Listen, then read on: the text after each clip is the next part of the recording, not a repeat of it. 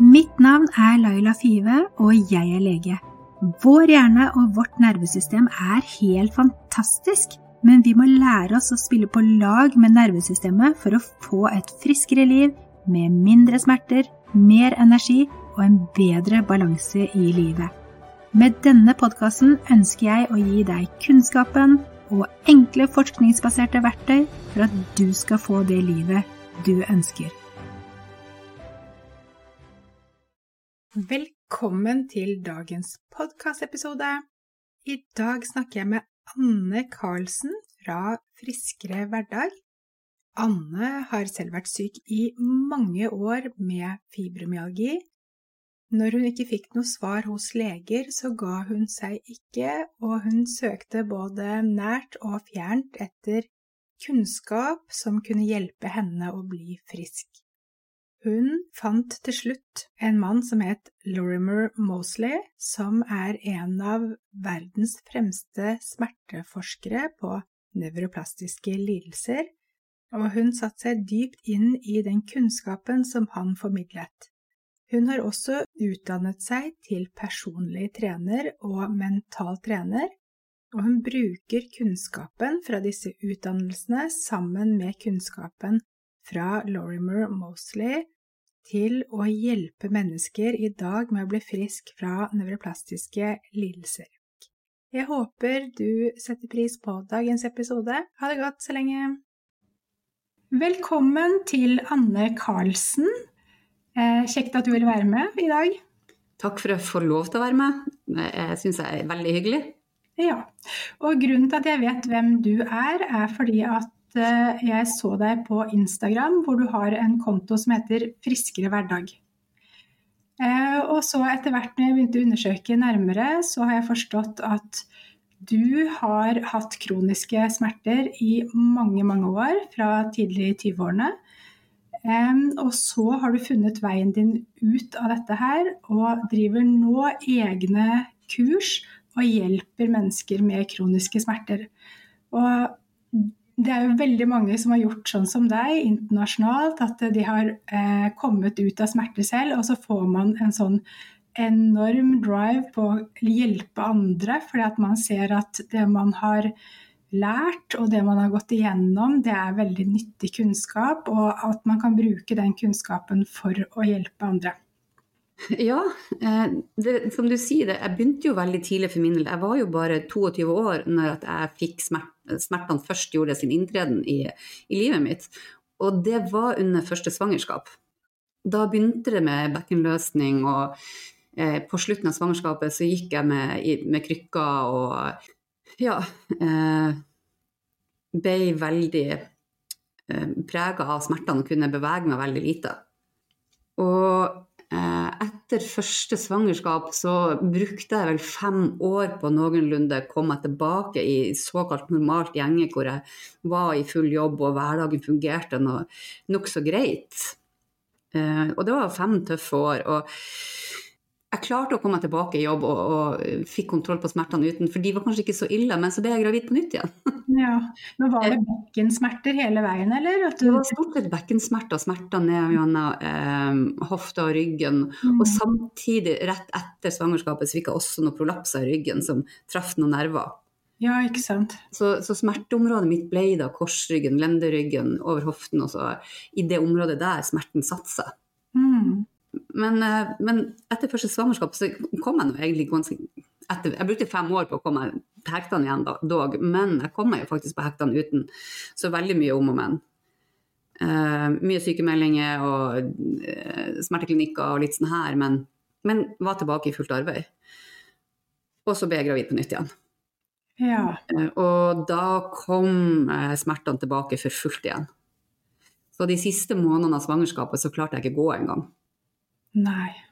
Uh, og etter det svangerskapet så var det ikke like lett å komme seg tilbake. Da kom jeg i en negativ spiral hvor jeg bare ble verre og verre. Det var ingenting som nytta eller som fungerte. Og dette er jo 23 år siden. ja. Så det er jo en stund siden. Og uh, i perioder så var jo smertene så sterke at uh, jeg kunne bli innlagt på, i ukevis på sykehuset til morfinbehandling. for å dempe smertene. Og så ble jeg da gjerne sendt hjem etter noen uker, enten i rullestol eller på krykker. Og da, da var, når jeg ble sendt på sykehus, så var, smertene så sterke at jeg kunne ikke røre noen ting nedover hofta. Jeg klarte ikke å gå, jeg klarte ikke å sitte, jeg klarte ikke Jeg kom meg ikke på toalettet engang. Så det var liksom eh, eh Jeg ble sengeliggende. Hvor gammel var du da? Da var jeg i midten av 20-årene. Herreland. Ja. Hva fikk du høre av, eh, av, legene? Hva var årsaken til at du hadde disse sterke smertene? Ja, fant de, de, fant ikke noen gode svar på det. Eh, en periode så, så, fant de jo noen prolapser som de eh, ga en forklaring på at det kunne være derfor. Eh, og så ble det jo forklart med bekkenløsning. Og så ble det forklart med Var de inne på bekktreff? Så var de inne på ja, bare betennelser. de hadde vel egentlig ingen Det var ingen som hadde noen gode svar. Og det hjelpetilbudet jeg fikk, var stort sett Eh, det var forskjellige eh, smertestillende uh, tabletter, antidepressiva. Jeg mm. tror jeg har vel smakt på det som finnes av uh, trekantmedisiner. Ja. Og eh, fikk tilbud og prøvd TNS og strømbehandling, brukt korsett, fysioterapi, vært på flere smerteklinikker. fått lokalbedøvelse satt rett inn i smerteområdene for å dempe smertene. Men fra du var i midten av 20-årene, så hadde du cirka Da hadde du to barn. Mm. Og så var du kronisk smertepasient, mm. inn og ut av sykehuset. Mm. Og hadde så sterke smerter at du ikke du klarte deg omtrent. Altså, hvordan, hvordan, var det? Hvordan var din situasjon din da? Ja, det gikk jo eh, i perioder, heldigvis. Det var ikke 24-7-365. Så når de verste smerteperiodene eh, roa seg, så, så kom jeg meg noenlunde på beina igjen og um, klarte å ta ny utdannelse. Så jeg hadde eget fotostudio når jeg ble syk, men det, det, var, det klarte jeg ikke pga. smertene. Så jeg ble omskolert meg til journalist. Ja. Eh, som var lettere arbeid, det var ikke mye bæring, det var ikke mye tunge tak og mye bøying og løfting. Så eh, så da jobba jeg jo også som journalist, så det var liksom fra på litt syk, så var det litt jobbing, så var det syk, så var det jobbing. Så, eh, Og så merka jeg at å jobbe som journalist, det er ikke ni til fire-jobb. Du jobber skiftarbeid. Det funka også veldig dårlig, og med små barn. Mm. Så eh, da søkte jeg meg over i kontorstilling, så eh, fikk jeg begynte i den gang A-etat ja. eh, som informasjonsmedarbeider og jobba der. Eh, og det var veldig trygt og godt å jobbe i, staten. Jeg var så mye plaga med smerter og sykdom. Vi var veldig flinke å tilrettelegge. Når jeg ble gravid andre gang, da var jeg vel i slutten av 20-årene. Da var jeg markeds, eh, leder på markedsavdelinga på etat. Ja. Men pga. smertene så eh, så, så kunne ikke jeg fortsette med det. Altså, smertene tok mer og mer over hverdagen og livet. Ja. Sånn at jeg eh, runda 30, noen og 30, så eh, var det veldig mye sykemeldinger og mye fravær. Eh, jeg gikk mye på aktiv sykemelding, deltidssykemelding, helsykemelding. Men det, det, fikk det aldri til å funke, så i 2008, da jeg var 38, så ble jeg 100% ufør. Pga. smertene. Og hvordan var det å være 38 år og fullstendig ufør? Det var helt forferdelig. Eh, det var Jeg tror det, det største tapet og det som gjorde mest vondt, var vel å miste yrkesidentiteten min. Det å miste nettverket, miste det å Det å ha ferie er ikke det samme når du ikke har noe å ha ferie fra. Nei, ikke sant. Og det å ikke kunne være med og bidra lenger, det å ikke kunne styre egen lønn lenger. Eh, det å gi en ekstra innsats hvis du hadde behov for eh, romsligere økonomi. Alt det Så det, det var kjempetøft. Så da jeg ble ufør, så var første tanken min, eller den sterkeste tanken, kanskje mer, var at det må finnes en eller annen, et eller annet sted som vet et eller annet som kan hjelpe meg tilbake i arbeid. Mm. Så det var egentlig drivkraften min for å begynne å lete etter svar. Eh, og jeg begynte jo å lete etter svar i, i Norge. Eh, og oppdaga at eh, kostholdet påvirka situasjonen min, så jeg utdanna meg til kostholdsveileder. Og så hadde jeg jo hørt eh, utallige ganger opp igjennom hele årene at eh, trening er viktigste medisin. Du må trene for hvis du skal ha sjansen til å bli bra. Eh, og det hadde jeg jo gjort. Jeg hadde jo prøvd å trene og gått på snørra så det holdt etter, og prøvd å trene igjen og blitt fullstendig ødelagt. Så eh, erfaringa mi tilsa jo at det er noe feil med den treninga jeg gjør. Mm. For jeg blir jo ikke bedre enn jeg blir jo bare verre. Hva sa legene? Hva slags råd ga legene deg egentlig på dette tidspunktet? Eh, da, på dette tidspunktet så sa de vel at uh, nå har vi ingenting Vi vet ikke hvorfor du har vondt. Det, det, vi har ikke noe hjelp til deg. Det, vi har ikke noe tilbud. Du har fått de tilbudene vi har. Ja. Uh, det nærmeste jeg kom, det var vel den siste legen som sa at mest sannsynlig Anne, som sitter her i hodet. Ja. Og hvordan var det å høre? Følte du at det stemte for deg? Nei, eh, det var veldig, veldig provoserende å høre. Ja. Fordi det jeg oppfatta av, av, det utsagnet, var Jeg opplevde at han trodde at jeg innbilte meg disse smertene. Mm. At jeg gikk rundt og trodde eh, Og så visste jeg sjøl at det eneste i hele verden jeg ønska, var å være smertefri. Mm. Og så følte jeg at jeg ble beskyldt for å egentlig være hypokonder og, og lete etter egne feil hos meg sjøl. Og, eh, og at smertene mine ikke var reelle. Ja, ikke sant. Eh, så det var ekstremt provoserende, og det ødela veldig mye tillitsforholdet til legen. I dag skjønner jeg jo at eh, han, bedre kommunikasjon hadde vært bedre, for eh, på en måte så har han jo rett, for hjernen sitter jo i hodet. Og, den er jo med og er en stor bidragsyter til hvordan nervesystemet eh, fungerer, og hvordan kroppen responderer og reagerer. Eh, men eh, det var ikke sånn formidlinga ble mottatt av meg. Så, så, det ble jo en veldig mismatch. Hans intensjon var sikkert noe helt annet. Men uh, i og med at han ikke klarte å forklare det på en måte jeg forsto, mm. Så ble det en miskommunikasjon som, uh, som, ble veldig negativ for mitt vedkommende.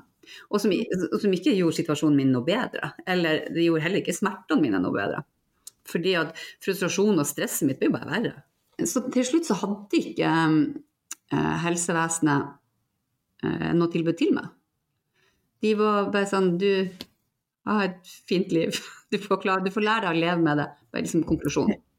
Ja, ikke sant. Det er det man ofte får høre. Ja. Når jeg ble da ufør, så ville jeg jo så desperat tilbake i arbeid. Så jeg, så jeg prøvde jo å, å, eh, forhandle med Nav om kan jeg prøve noe annet arbeid. Kan jeg, jeg tenker kanskje noe annet kursing kan gjøre at jeg kanskje kan finne en jobb som jeg klarer bedre med den kroppen jeg har. Eh, men der var svaret når legene ga opp, så ga de òg opp. Så jeg beklager, men eh, vi kan ikke hjelpe deg med noen ting lenger. Om du noen gang får en lege til å friskmelde deg 50% så kan du komme tilbake og høre. Men inn, inn, uh, før den tid trenger du ikke å komme. Nei. Uh, vi har, finnes ikke noe tilbud til det. Og det var ganske tøft, du er 38 år og kjenner at ok, jeg er ute av arbeidslivet, det kan ikke være sånn det skal være. Så det, det, var veldig lite hjelp å få der òg. Eh, og, og, det tror jeg òg mangler på forståelse uh, på situasjonen og hva det handler om. Og, så at, i beste mening så var det det tilbudet de hadde. Mm. Så, eh, men det hjalp meg jo ikke. Eh, og, og, det var da jeg kjente OK, da har jeg prøvd alt som helsevesenet og Nav kan hjelpe meg med, som de mener de har å tilbud. Og når svaret ikke ligger der, det må være et svar. Mm. Eh, du ga deg ikke. Hva du si? Nei, du ga deg ikke. Ja, altså, jeg var ikke fornøyd med at jeg ikke skulle finne svar. Nei. Så, eh, og den store game changeren ble jo eh, når jeg oppdaga For etter at jeg hadde tatt kostholdsveilederkurset, så oppdaga jeg at det hjalp jo litt, men eh, overhodet ikke nok. Og så i og med at jeg visste at trening skulle hjelpe, så tenkte jeg men da er det ting med trening jeg ikke jeg skjønner, så jeg gjør noe feil. Så hvis jeg lærer mer om trening, så kanskje finner jeg rett eh, tilnærming. Utdanner meg til personlig trener. Men, og jeg var sånn pain in the. Jeg var skikkelig gnagsår under hele studiet, for alle eh, foreleserne som eh, hadde kunnskap som jeg trodde kunne hjelpe meg, var jeg ordentlig sånn plagsom og spør eh, hva med dette, kan du noe om dette, kan, du svare ting om dette? For en av de tingene jeg også hadde fått hørt underveis, sier meg at smertene mine lå rundt korsryggen og lenderyggen og i ryggen, så var jo det at svak kjernemuskulatur er årsaken til at du er så plaga. Så du må bare trene eh, kjernemuskulaturen din eh, hvis du skal ha sjansen på å bli noe bedre. Mm. Og en av foreleserne vi hadde, var faktisk eh, landslagstrener i kjernemuskulatur for langrennsløperne våre. Mm. Eh, og, og, da, etter at eh, forelesningen med han var over, og eh, vi hadde jo både praktisk og teoretisk undervisning, når det var over, så, så ba jeg om å få snakke med han og sa dette er problemet mitt, og dette har jeg fått hørt. har du noen tips og råd om hva jeg kan gjøre for å løse problemet mitt? Mm. Og da sier han nei, dessverre, det har jeg ikke.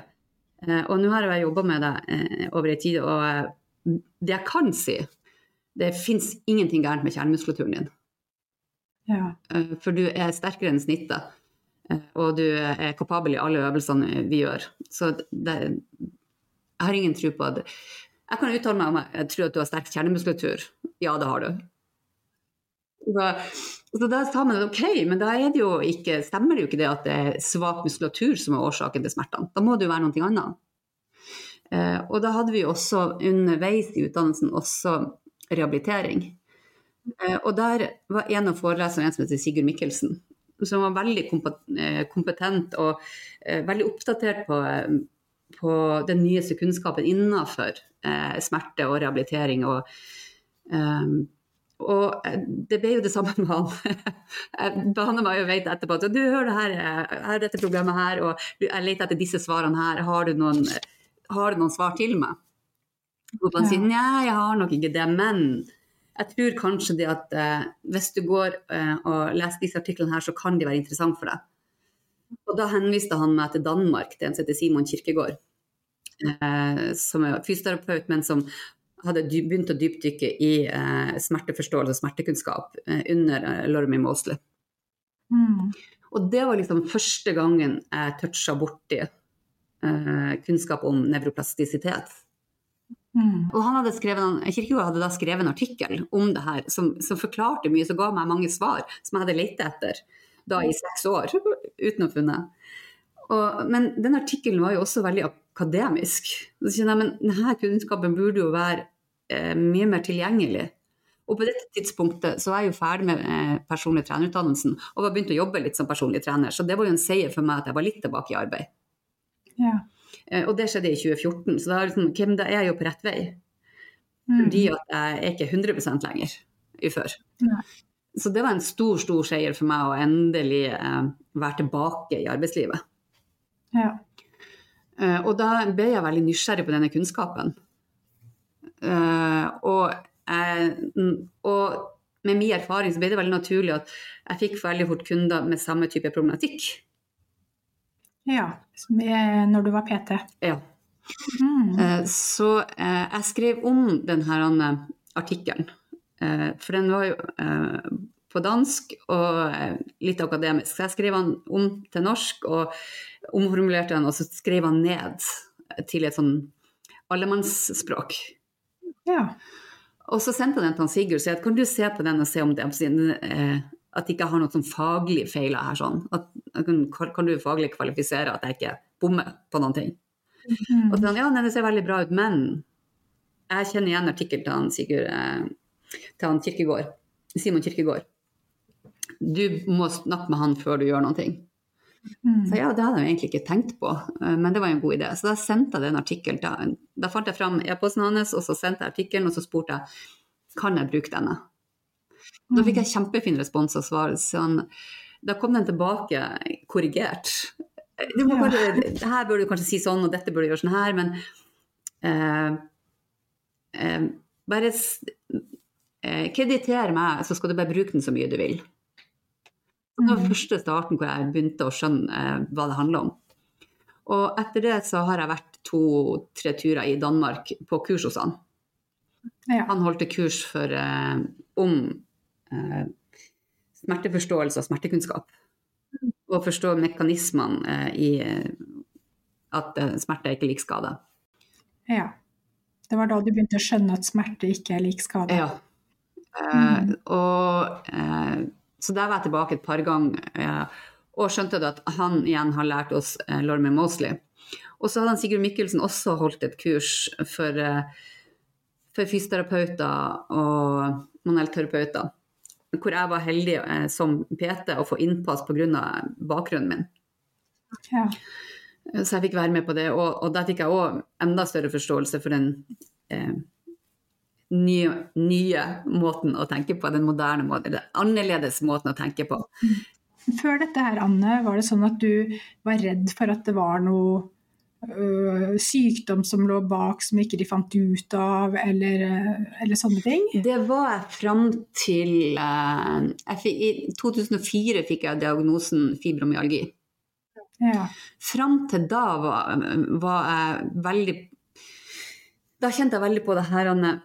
Eh, Det må være en grunn til at jeg har smerter. Og hvis bare noen finner ut hvorfor jeg smerter, så kan de òg finne ut hvordan jeg kan bli bra. Kan få, men jeg, fram til da så følte jeg vel egentlig at det var helsevesenet og legene sitt ansvar å finne ut av det. Mm. Sånn at de kunne fikse meg. ja, ikke sant. Eh, og, og da var jeg veldig på søken etter et, hjelp til å få en diagnose. Ja, det er jo forståelig. Ja. Og, og, men så oppdaga jeg at jeg endelig fikk den diagnosen som jeg ikke ville ha. Um, for meg var det en veldig stigmatisert diagnose. Den var liksom på linje med det legen hadde sagt at jeg hadde sitt i hodet. Ja. Så, men fibromyalgi er ikke noe ekte.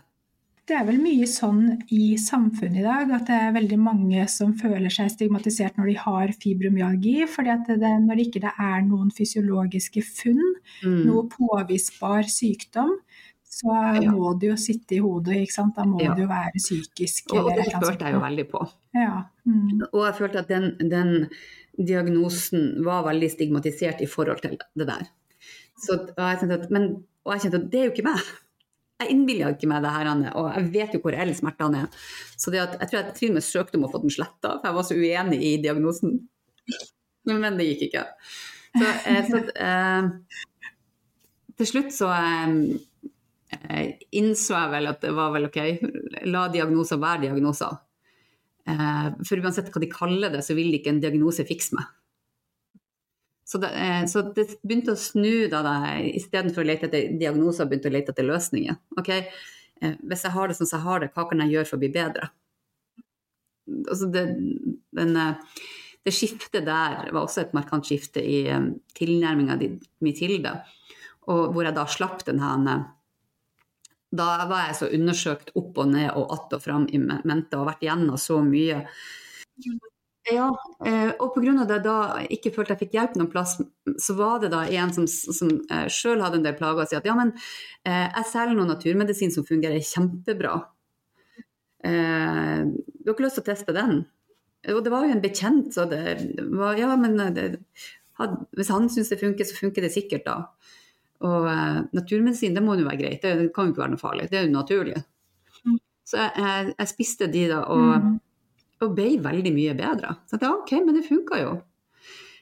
Helt til en, en dag eh, jeg sto i speilet og så så jeg hadde sånn tyrenakke. Altså, han sånn svær, kul eh, altså, Det minte meg om ringeren i Notre-Dame.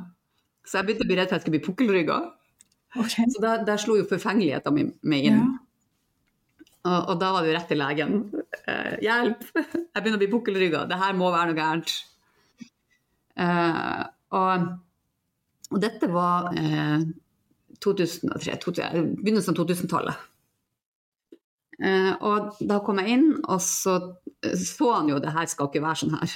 Så da tok de noen prøver, og da jobba jeg eh, i Aetas. Og da ringte de meg på jobb fra sykehuset. Jeg sier at du må slippe alt du har i hendene, du må komme på mottaket nå. Hvis ikke så kan du dø.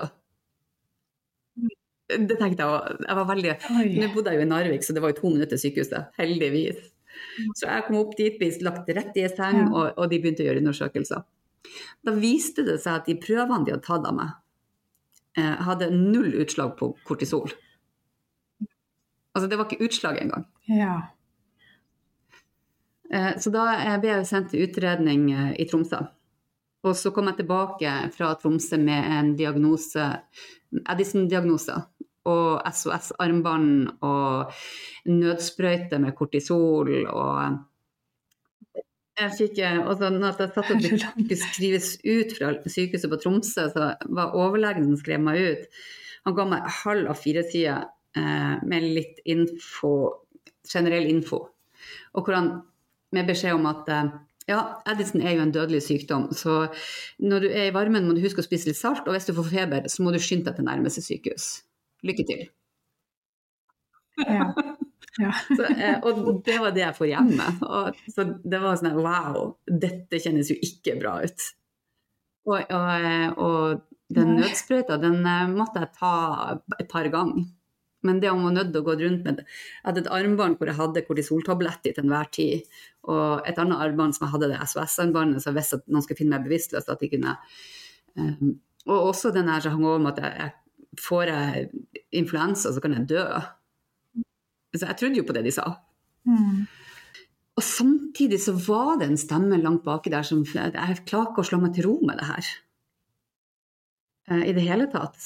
For, det var, for, disse plagene kunne ikke forklare altså Denne diagnosen og det her kunne ikke forklare alt. Så, så jeg tok jo kontakt med legen min igjen og sa ja, men smertene mine uh, altså Denne diagnosen kan jo ikke gi en forklaring på smertene mine. Og da sier legen Anne, nå må du gi deg. Nå har du endelig fått en diagnose. Og i tillegg en diagnose det står respekt av. Nå må du være fornøyd. Oi. Jeg sier Ja. ja vel. Så det var, det var det jeg gikk hjem og bare sånn, men Jeg kan si, men jeg nekta. Det, det henger ikke på greip.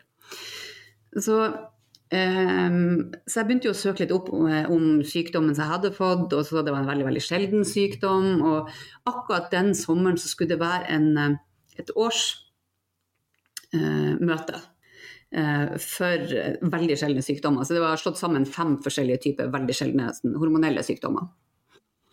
Og han som skulle være uh, foredragsholder på det seminaret, var Norges fremste ekspert på Edison. Så da, ok, da drar jeg dit. Mm. Så jeg gjorde det. Eh, og da gjorde jeg det samme som jeg har gjort eh, alltid senere også. I pausen så baner jeg meg vei til forholdsholderen, så sier jeg hør på meg. Jeg tror, dette er saken, jeg tror ikke det stemmer, det er noe eh, eh Hva du tror? Og han var jo neppe veldig glad for å bli headhunta og bli si, pasientjaga på seminaret. Men samtidig så var det et eller annet som gjorde at han stoppa litt opp og sa du, Eh, Be legen din å sende en eh, second opinion. Jeg er enig det er som, eh, i at det er noe som skurrer. Så be legen sende en second opinion, så skal jeg se på det. Så jeg kom hjem, og så ba han om det, og da sa legen nei. Det får du ikke. Nå må du være fornøyd. Jeg sier ok, men jeg har jo allerede avtalt at jeg skal komme, da, så får jeg bare ringe til han og si at du nekter å sende meg. Og da ble det vanskelig for legen, så han ok, jeg skal sende. så havner jeg på Haukeland. Hvor de da, eh, etter mye om og men, eh, fant ut at det var den naturmedisinen som var fullpakka av kortisol, som gjorde at kroppen min ikke hadde slutta å produsere kortisol. Så det, vi, når vi tok bort eh, fjerna de naturmedisinen, så heldigvis hadde jeg ikke gått så lenge på de at kroppen hadde slutta permanent. Så den, da tok kroppen seg tilbake igjen. Så da ble jeg frisk fra eh, Addison en alvorlig, ja. potensielt dødelig og, og jeg tror ikke gærent hadde gått hvis jeg bare ja. hadde stolt blindt på legene. Så, eh, mm. så, ja, eh, det har gjort at jeg én er skeptisk, eh, alltid dobbeltsjekker legene. To holder meg langt unna naturmedisiner. Så ja.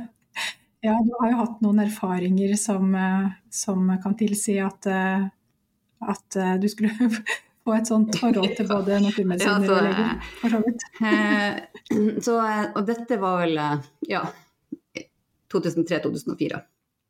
Så da var jeg tilbake igjen med smertene mine, men jeg var fri for Edison i hvert fall. Så det var litt lettere å forholde seg bare til eh, sånn sett til smertene. Ja, kortisol er jo eh, veldig, veldig effektivt på smerter. Det, det, ja, det er ikke så veldig bra å ta det, men eh, det er jo en god smertestillende tablett sånn sett. Så det var ikke rart det ble bedre. Og ingen av de tingene jeg opplevde fram til nå, var ting som gjorde de lettere. De trigga det nok bare mer og mer i, i, i den retninga. Og ubevisst også så eh, fikk jeg jo både råd og tok råd og gjorde valg som mye mer trente opp trigging av smerte enn motsatt. Ja. Enn å trygge systemet på at ting er bra. Mm. Så det var jo den ene skrekkscenarioet etter det andre. Så det var, det, eh, og det var det den her, Alle disse uheldige situasjonene som nok var med på å bare gjøre eh, smerten sterkere og sterkere og sterkere. og sterkere. Mm. Eh, den fikk hele tida bekreftelse på at det var på sin plass å beskytte systemet mitt. Mm. Så, så når jeg da begynte å ta kurs og utdanne meg under både Kirkegård og Lorimer Mosley og begynte å få forståelse for hjernen, nervesystemet, nevroplastisiteten og kroppens eh, bioplastisitet. Mm. Så begynte ting å henge på greip. Mm. Bare kommentere at han Lorimer Mosley mm. han er jo en australier som mm. er en av de mest kjente smerteforskerne i hele verden. Ja. Han har gjort eh, veldig mye bra forskning. og han er også utdanna i klinisk nevrovitenskap, og ja. han har eh, altså bringt eh, smerteforskning til et helt nytt nivå. Ja. Vært med på den store, ja, eh, den store endringen innen tenkning av smerte i verden, egentlig. Ja. Så han hang du deg på. Han hang jeg meg på. og, og, han møtte jeg i Oslo. Ja. Så det var veldig hyggelig. Og, og, og jeg blir jo veldig eh, fascinert når jeg møter mennesker som kan ting som jeg trenger å kunne. Ja. Da, da blir jeg, sånn, jeg er ikke noe fascinert av kjendiser eller musikere, eller sånne ting, men, jeg, men jeg møter sånne som er dyktige i faget sitt, eh, og på fag som interesserer meg. Så sitter jeg på første rad og sier pausen Kan vi ta en selfie?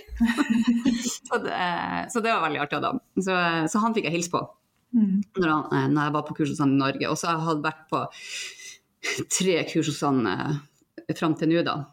Som da er for helsepersonell, mm. og utdannelse innenfor eh, neurovitenskap. Og skal faktisk til Amsterdam i juni på, eh, eh på live-kurs eh, med han igjen. Ja, spennende. Så jeg, og siden jeg oppdaga hvor viktig kunnskap er, hvor viktig det er å forstå, og når du forstår, så gir ting mening, og når ting gir mening, så kan du bruke det til noe. Mm. Kan du forklare litt sånn, hva er det Lorimer Mosley um, hva er det han formidla, og hva er det som traff deg? Mm. Og hva, det, hva, hva, slags informasjon fikk du som endret ditt syn på dine smerter? Det hvordan eh, hjernen og nervesystemet responderer og reagerer ut ifra alt eh, rundt oss og i oss. Mm. Og hvordan vi påvirkes positivt og negativt av ting vi opplever, ting vi tenker, ting vi gjør. Um, og, og introduserte meg til den biopsykososiale smertemodellen. Mm. Hvor biologien vår eh, eh, påvirker, og eh, det sosiale livet vårt påvirker, og biologien påvirker, og alle, de, alle disse tre områdene der de treffer andre, så har du nye momenter som igjen er med å påvirke. Mm. Eh, og det er veldig mye som ikke har noe med smerte, som ikke har noe med skader å gjøre, som påvirker smerter. Mm. Og at smerte kan også påvirkes. Mm. På måten du tenker på, hva du vet, og dine overbevisninger, hva du tror på. og eh, Underbevisstheter, bevisstheter. og Den totaliteten og tilnærminga til hvordan hjernen og kroppen fungerer. Mm. Men eh, når du fikk denne kunnskapen, mm. kunne du da se tilbake til starten på ditt sykdomsforløp og se noen sammenhenger av hva som kan ha utløst at du i en alder av 22 plutselig fikk kroniske smerter? Absolutt, jeg kan se hvorfor jeg ble så dårlig. Og, og hadde jeg hatt denne kunnskapen eh, da som jeg har i dag, så hadde jeg aldri trengt å bli ufør. Nei, ikke sant. Eh, det, det, begynte, eh, det, begynte, jo med første svangerskap hvor eh, jeg fikk bekkenløsning. I dag jeg har de jo skjønt at det er jo ikke noe som heter det. Men jeg fikk mye smerter i korsryggen og og det hang nok sammen, eh, det kan jeg se tilbake i dag, at ja, det var nok eh, en del hormonelle endringer som gjorde at det området ble eh, mer ustabilt. Som igjen gjorde at muskulaturen måtte jobbe mer og fikk eh, mer spenninger som jeg ikke klarte å, å få tak i. Mm. Eh, og eh, alle rådene om å ta det med ro og ikke bruke områder som gjør vondt. Mm. Eh, så, så eh, når jeg da fikk vondt eh, og bare holdt meg mer og mer, og mer i ro, så trigga det systemet til å beskytte området enda mer og mer og mer. Og mer. Også i tillegg til eh, når det ble så inaktivt, så ble det også stivt, og sirkulasjonen i kroppen eh, ble dårligere. Mm. Og jo mindre du rører deg, jo, jo ondere får du. Altså, kroppen er skapt for å brukes, så når du ikke bruker den, så, så stivner den til. Ja, og da ble du gjerne redd for å bevege deg enda mer, sant? og så Ja. kom du inn i en sånn fryktsirkel. Absolutt. Og så ble frykten for å få vondt som gjorde at man gjorde enda mindre. Og så eh, hver gang man gjorde ting som gjorde vondt, så ble mer konklusjonen at det er farlig, det, det kan jeg ikke gjøre, for det gjør meg vondt. Mm. Eh, og så ikke helt se sammenhengen at ok, det, det gjør vondt, ja, men det er jo ikke farlig. Mm. Så det største ha-opplevelsen er det vel egentlig det at um, det oppdaget at smerte ikke er farlig. Smerte er et handlingssignal. Det er systemet som prøver å si noen ting. Altså det er kunnskapen som eh, i, Hvor god kunnskap du har som gir deg evnen til å tolke beskjeden.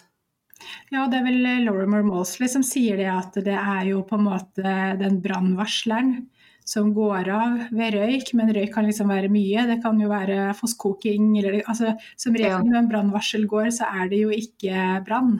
Nei, det er gjerne andre Ja. ja så det er så da, eh, Og da begynne å utfordre meg sjøl eh, og og det fikk jeg jo, De første eh, smaksbitene på det fikk jeg jo når jeg var i Danmark hos han, eh, Simon. eh, hvor han eh, utfordra meg på ting som jeg sier men det kan jeg ikke gjøre, for det tåler ikke kroppen min. Nei. Og så sier han ja, nei, men det er ikke helt sånn, kom, kom skal vi skal, Vi skal bort og teste. Så han da eh, tok meg eh, i pausen tok han meg eh, med på treningssenter og sa nå skal vi gjøre ting. Og så utfordra han bevegelsessystemet på ting som jeg hadde gjort før. Og da eh, løfta jeg vel 100 kg i mark. Mm. Og markløp var noe jeg sa nei, det kan ikke jeg gjøre for at det ødelegger kroppen min. Men tilliten til han, han, han eh, uttrykte så Han var så trygg. Og ut, eh, jeg følte at han visste hva han holdt på med. eh, og at han ville ikke be meg å gjøre noe som, som var farlig. Og hvis det skjedde noe, så var jeg i trygge hender. Ja. Så jeg, eh, så jeg torde å la meg utfordre. Og når da eh, også ble utfordret i ettertid, så ok, nå har du jo løfta 100 kilo, og du har ikke vondt. Eh, kan du forklare det? Så, ja, men men da er det jo ikke farlig å bruke kroppen. Nei. Så, eh, og, og, men samtidig sier han at det, det er ikke så lett heller som å trykke på en knapp og si at nå vet jeg det at det, det ikke er farlig. Det betyr ikke at ikke alarmsystemet er i stand til å gå av for det. Nei. Sånn at Men er, eh, tror du bare at det var det at du kom inn i en sånn frykt-smertesirkel som gjorde at du fikk disse smertene, eller var det noe med det der å bli gravid, eh, ha et barn i magen du skulle passe på, eller noen andre omstendigheter rundt deg, eller noe stress på jobb, eller Ja, det var nok totalen og veldig mye. Eh, Jeg hadde en, en ryggsekk som eh, hadde gitt meg mange negative erfaringer, både fra, fra barndommen og gjennom ungdomsårene. og eh, del relasjoner som ikke var veldig bra, som jeg ikke trivdes spesielt i, men ikke klarte å se at det var bedre for meg å gjøre noe annet. mm, Så det at når jeg da i eh, Og så til slutt så kom jeg jo til en lege som, som var forstandig. Eh, Endelig. ja. som og så, som eh, behandla meg med, med respekt, og, og jeg opplevde at han trodde på meg. Ja. Så det eh, Og det var jo han som eh, fikk sendt meg til utredning hvor jeg endte opp med diagnosen fibromyalgi. Og det var nå heller ikke bare bare, fordi at jeg ble da eh, sendt til utredning på sykehuset i Bodø. Hvorpå den, over, den legen som ble satt til å skulle utrede meg, eh, tar meg til sides og tar meg inn på kontoret og sier jeg ser du står på enorme store eh, mengder med smertestillende. Du, har, du spiser jo så mye smertestillende at du kunne dope en hest. ja. Eh, og jeg syns du skal tenke litt igjennom. Tenk på hvordan de har det, de som ligger i 9. etasje her og, og eh, bare ligger på palliativ behandling og venter på å dø. Mm. Eh, så du bør kanskje ikke synes så synd på deg sjøl. Oi, oi, oi. Og, og da, da var altså, I sjokk gikk jeg på, på sykehushotellet, og, så, eh, og så satt jeg tårene strømma til seg. Hva var det egentlig jeg opplevde nå? Siden jeg, dette er ikke greit. Så, eh, så jeg tok kontakt med sykehusledelsen og sa dette aksepterer jeg ikke. Nei. Og da eh, fikk jeg en ny lege som var kjempeflott. Ja. Så, og da endte det med, med diagnosen fibromyalgi, da. Mm. Så, men det, ja, det her var jo i 2004. Mm. Men du Eh, gikk og- på enorme doser med morfin, og det hjalp ikke. Du hadde fortsatt smerter. Ja. Mm. Og det ser jeg jo at de fleste som står på kjempestore doser med morfin eller andre typer smertestillende, ja, det er som regel morfin, som Mm. har like vondt til tross for at de står på det, der Mm. er det nesten utelukkende nevroplastiske smerter. Eller selvfølgelig eh, kreft og, eh, og palliasjon og sånne ting. Ja, for det ene utelukker ikke det andre. Nei, nei, nei, nei, det er sant. Men, eh, men eh, jeg tenker at eh, det er et ganske så sikkert tegn på at det er noe nevroplastisk ute og går. fordi at smertestillende virker egentlig ofte veldig godt, ikke sant. Ja, på akutte smerter og sånt. På akutte smerter, og smerter som er på en måte ikke nevroplastiske. sant? Da virker ofte smertestillende godt. Mm. Men eh, altså, fikk, ble du avhengig av smertestillende? Fikk du noe beskjedninger? Ja, jeg ble jo, jeg, ble jo det. Jeg, og det var en av de grunnene til at jeg begynte også å prøve å snu litt på det. fordi at jeg var jo småbarnsmor og, eh, og prøvde å fungere i arbeidslivet. Og for å fungere i arbeidslivet så måtte jeg spise store mengder med smertestillende. Så jeg, jeg, jeg tok jo eh, Tramadol 50 mg hver fjerde time. Og så tok jeg jo Tramagedic 200 mg hver tolvte time. Og i tillegg gikk jeg på Ortoxia. Ja. Det var kraftig cocktail. Eh. Skikkelig. Og, og, og i tillegg så har jeg jo liksom prøvd så utrolig mye annet som neurotin og opioder og veldig mye eh, veldig mye sterke mer- smertestillende. Og noen av de er ikke lovlige i dag lenger, fordi det var farlige bivirkninger på det. Så jeg opplevde på et tidspunkt at ja, jeg er i livet, Nei. men jeg lever ikke. Uh, og sånn her dette, dette klarer jeg ikke med. Dette er ikke Og det, det var rett før jeg kollapsa hos legen min i 2008. Da, da, var ned, da var jeg så langt nede som jeg aldri har vært før. Eh, som jeg kunne komme. Og da var jeg også sittet på Mm. antidepressiva. Og da kollapsa jeg bare hos legen og sa at nå orker jeg ikke mer. Eh, hvis det er dette livet har å by på, så takker jeg nei. Jeg vil ikke leve mer. Jeg har lyst til å sovne og aldri, Mm. aldri våkne mer. Jeg klarer ikke mer. Ja, ikke sant. Og da kan man se hvor liksom hvor eh, Det er liksom mange som tenker det at ja, fibromyalgi og sånne, og sånne typer smerter som det der, at det er liksom noe sånn eh, tullesmerter eller altså, Ikke sant? Men det der at eh, Eller Mm. ikke en ordentlig sykdom, da, nå er det eh, Men jeg tenker at fibromyalgi, det er jo og eh, utmattelsestilstander og andre smertelidelser kan jo være vel så alvorlig som, eh, som andre typer sykdom. Ikke sant? At det, her, eh, Mm, her var absolutt. du Altså, du var dratt så langt ned at du ikke fungerte på Ja. noen måte. Du ble deprimert. Du bare så, ikke noe utvei lenger, liksom. At eh, du kom til eh, et sånt nivå pga. den eh, lidelsen og pga. de smertene som du opplevde, og mangel på hjelp og forståelse. Mm. Hvordan, var det egentlig, hvordan var det egentlig med miljøet rundt deg? Altså, Det ble jo eh, veldig innskrenkt. Veldig, eh, å ha kroniske smerter og fibre og utmattelse er en veldig ensom tilstand. mm, Fordi at du klarer så lite. mm, Det skal så lite til for du blir sliten og blir vondt og blir utmatta. Så derfor så gjør du mindre, og jo, og jo mindre du gjør, jo mindre klarer du. Og så går det en sånn ond sirkel, det blir bare mindre og mindre og mindre. Så det ble bare mer og mer isolert. mm.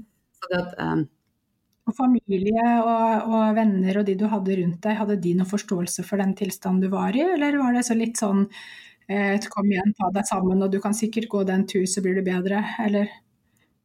Ja, eh, ja og nei. Eh, Det var jo støtte og ivaretagelse når jeg var, var på det verste, men når jeg prøvde å gjøre tiltak som jeg håpa og trodde skulle bli bedre, som f.eks. Eh, i gode perioder skulle prøve å trene forbi litt sterkere, Og så ble jeg sliten eller uh, utmatta av treninga i starten, så fikk jeg beskjed om at uh, dette er ikke greit. Hvis du først skal gjøre noe så du, uh, så, som, Hvis du skal gjøre noe og bli utmatta av det, så må det i hvert fall være noe som gagner uh, huset og hjemmet. Ja. Ikke bare deg. Mm. Mm. Så, så, det var en liten forståelse for oss å prøve å gjøre et tiltak som, eh, som man trodde funka, men ikke visste helt. Mm. Og, når, og, i og med at jeg var så mye dårlig, så var det også frykten for at jeg skulle bli dårligere. var også sånn at jeg ikke gjør det. Mm. Uh, og i beste mening også uh, blir det sånn at de rundt deg uh, ivaretar deg med å passe på at du gjør minst mulig for ikke du skal få så vondt. Mm, det, det. Det, at altså, det er én av to, de som har kroniske nevroplastiske smerter, de har ofte ikke greie partnere, eller veldig greie partnere som tar over for veldig mange funksjoner og tilrettelegger for at man skal skjermes fra livet mest mulig. Ja, så det, så det ble jo en eh, så, Og det der gikk jo nok i perioder, for det var nok veldig slitsomt å være eh, på andre sida. Selvfølgelig. Eh, og, så, så at, jeg kan jo ha forståelse for frustrasjon, eh, og når at utgangspunktet det var ugreit. Så ble, det ble veldig ugreit. Så når jeg kollapsa hos legen, så visste legen hvor ugreit ting var. Eh, og da sa han faktisk det at Anne, nå er det nok. Nå er det på tide at du tar grep. Hvis ikke, så, så, så går ikke det her. Eh, nå bestiller du et time hos familievernkontoret, og så, eh, og så skiller du det. Mm. Du får begynne der, i alle fall. Mm. For hvis at eh, barna dine skal ha noe mor, så må du gjøre noen drastiske tiltak. Vi kan ikke fortsette i den løypa vi har gått. Noe må skje. Det var den brutale starten, da. en heldig vis at jeg hadde en lege som var så ærlig og brutal. For jeg trengte å høre det. For det var ingen andre som støtta meg i det, så jeg tenkte at alt var min feil.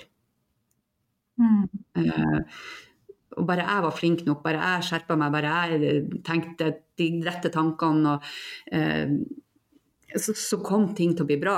Bare jeg var flinkere, bare jeg klaga mindre, og hvis jeg bare beit i meg mer, og, uh, så ble det bra. Mm. Så jeg var kommet til at jeg følte at alt var min feil. Mm. Det ble en veldig usunn relasjon mellom dere på det tidspunktet. Ja, så det, det, eneste fornuftige på det tidspunktet var å gå hver vår vei. Mm. Eh, og, og, det var helt rett, for det var den første starten i rett, rett, retning. Og jeg husker hvordan det var første kvelden jeg satt i egen leilighet. hvor jeg så For over tid hadde ting blitt veldig betent. Mm. Endelig kunne jeg puste. Mm. Uh, og faktisk, uh, og på dette tidspunktet så gikk jeg på denne cocktailen med tramadol og tramagedica og arcoxia. Og kjente på at jeg ville ikke Jeg kjente OK Skal jeg først være i livet, så skal jeg i hvert fall kjenne at jeg lever. Og det første jeg skal gjøre, jeg skal kvitte meg med smertestillende fordi de som får meg til å føle at jeg ikke lever. Så skal jeg heller ha vondt. Fordi å ha vondt, det er noe helt annet. Eh, det skal jeg kunne klare å stå i med så lenge hodet var klart. Mm. Eh, for denne hjernetåka og alt det her, det fikser jeg ikke. Så det, eh, en måned etter at jeg hadde flytta for meg sjøl, så hadde jeg slutta på alle medisinene. Mm. Og så hadde jeg gitt opp å spørre legen hva han syntes. Så jeg bare kutta det ut. Men jeg, jeg skalerte ned, for jeg hadde prøvd tidligere enn når jeg var sliten av å være så dopa og bare kutte ut. Og da fikk jeg jo kjempeabstinens. Jeg trodde jeg hadde influensa, det holdt etter. Men uh, søstera mi som jobba i Legemiddelverket var, i Sverige, var på besøk da, og hun skjønte hva det var for noe. Du, Anne, du har abstinenser. Og så spurte hun hva har skjedd, og da sa jeg det at jeg bare kutta alt. Jeg var så lei og føler meg dopa. Men det kan du jo ikke gjøre. Du må jo gradvis trappe ned. Og da la jeg med fem dyner på meg og jeg helt, trodde jeg var skikkelig skikkelig influensasjuk. Ja, det er jo ganske farlig, det der. Ja, så heldigvis at hun var, var på besøk akkurat når det her. For, for, jeg hadde jo lyst til å få med meg besøk, jeg var så lei av Så er det noen ting jeg tar med meg videre, da, så er det i hvert fall at eh, jeg tenker at det er ikke noe fare for at jeg skal bli rusmisbruker, for da hadde jeg vært det nå. Mm.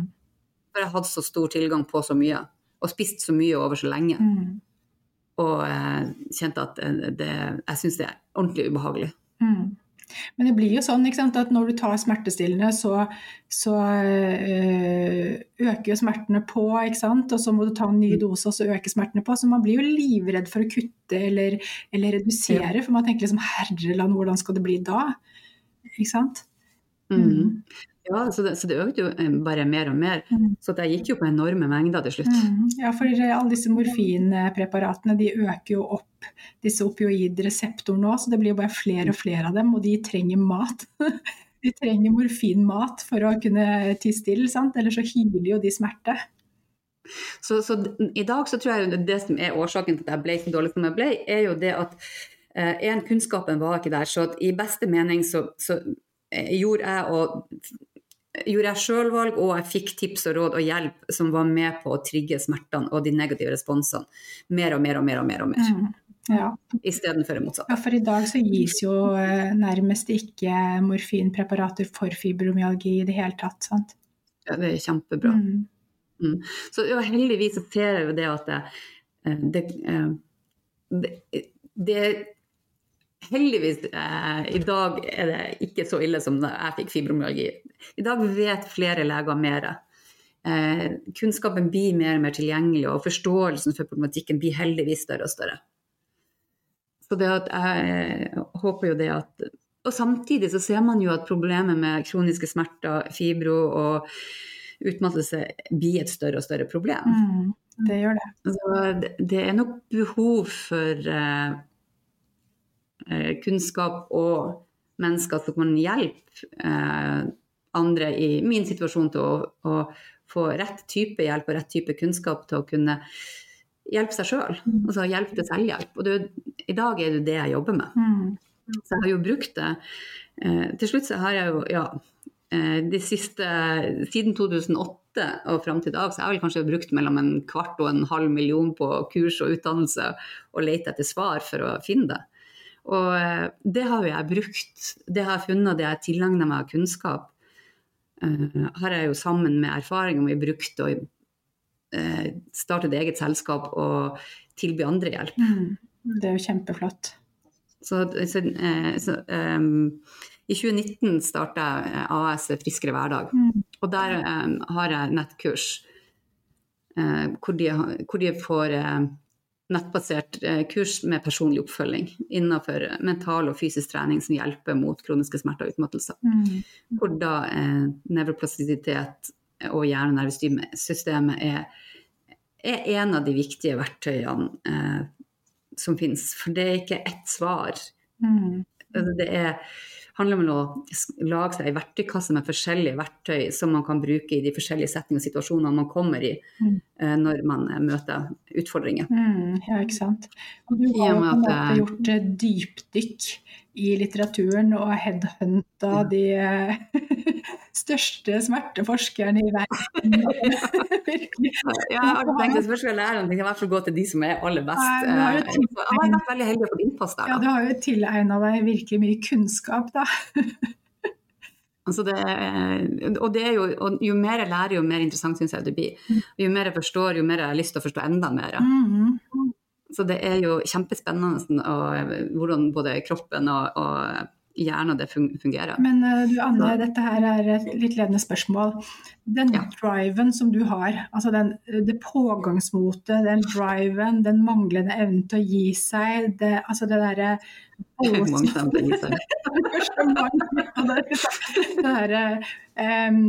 det har jo fått deg ut av kronisk smerte. Men tror du det kan ha bidratt til å vedlikeholde kronisk smerte også? ja, jeg skjønner hva du mener, og, og der kan jeg si at eh, jeg har jo egentlig gjort begge delene. Mm, ja. Den første, første, jakta mi fram til jeg fant eh, den kunnskapen eh, fant kunnskapen om nevroplastisitet, jeg begynte å forstå ting, den jakta var med på å trigge smertene mine til å bli verre og verre og verre. Men uh, den store game changeren for meg ble når jeg begynte å forstå. Mm. For da ble jeg ikke redd for smerten lenger. Og, og, når jeg fikk smerte, så stoppa jeg heller opp, og så møtte jeg smerten som står i det. Ok, hva er dette? Mm. så det, det å Når jeg da eh, eh får smerter, så stopper jeg opp og så mm, gjør jeg erfaringer, så evaluerer jeg, så endrer jeg ut ifra hva det er for en ting. Ja, ikke sant. Eh, så i dag vet jeg jo at smerte ikke er farlig. Mm. Nei, det er jo ikke farlig med smerte, det er bare et signal, sant? Ja, så, så eh, i dag er jakta på kunnskap eh, med å bare bekrefte og trygge Mm. mer og mer og mer og mer. Ja. Mens den første jakta mi gjorde det motsatte. Ja, og, og det har noe med hva slags kunnskap man kommer over. ikke sant? For det er jo kjempebra å ha den egenskapen når man først kommer. eh, Og det ser jeg på alle de som går på kurs hos meg òg. Alle de har jo en slags drive til å finne ut og få en løsning og få hjelp, og de har prøvd Mm. tusen forskjellige ting. Eh, og når de kommer til meg, så sier jeg ok, her stopper din reise. nå Mm. må den jakta slutte, for nå har du kommet, nå har du kommet hjem. At dette her er rett vei.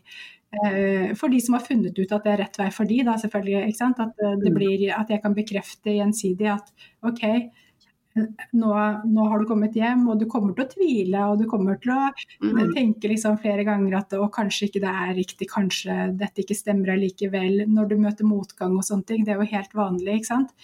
Men da Mm. må man liksom bare lande i det og si at nei, dette her, dette her er liksom løsningen. Eh, og Ja. når man klarer endelig å lande i det, så, så roer jo det hele nervesystemet, ikke sant. Mm. Fordi at eh, jakta fyrer jo også opp hele greiene, men når du, når du forstår dette her, og når du ser det og sånn, så blir jo liksom så logisk. Og du, du skjønner jo egentlig at det er rett, og så ser du raske resultater på smerte med en gang. Da får du bekreftelsen, men så kommer eh, en liten eh, bump i veien, og da kommer tvilen igjen, ikke sant. Ja. Mm. Ja, det er helt rett. Så det, jeg har definitivt landa med begge beina veldig stødig i eh, forståelsen for hvordan eh, hjernen nervesystemet og kroppen helhetlig fungerer. Mm. Eh, og det handler eh, like mye om fysisk trening som mental trening, som eh, kunnskap om eh, altså grunnleggende kunnskap om hvordan vi fungerer som mennesker. Mm. Ja, så, så i, i dag eh, er det jo iuren etter å lære mer, for jeg syns det er interessant. Det er ikke tvilen som får meg, som er motivasjonen lenger for jakta. Nei. Nei.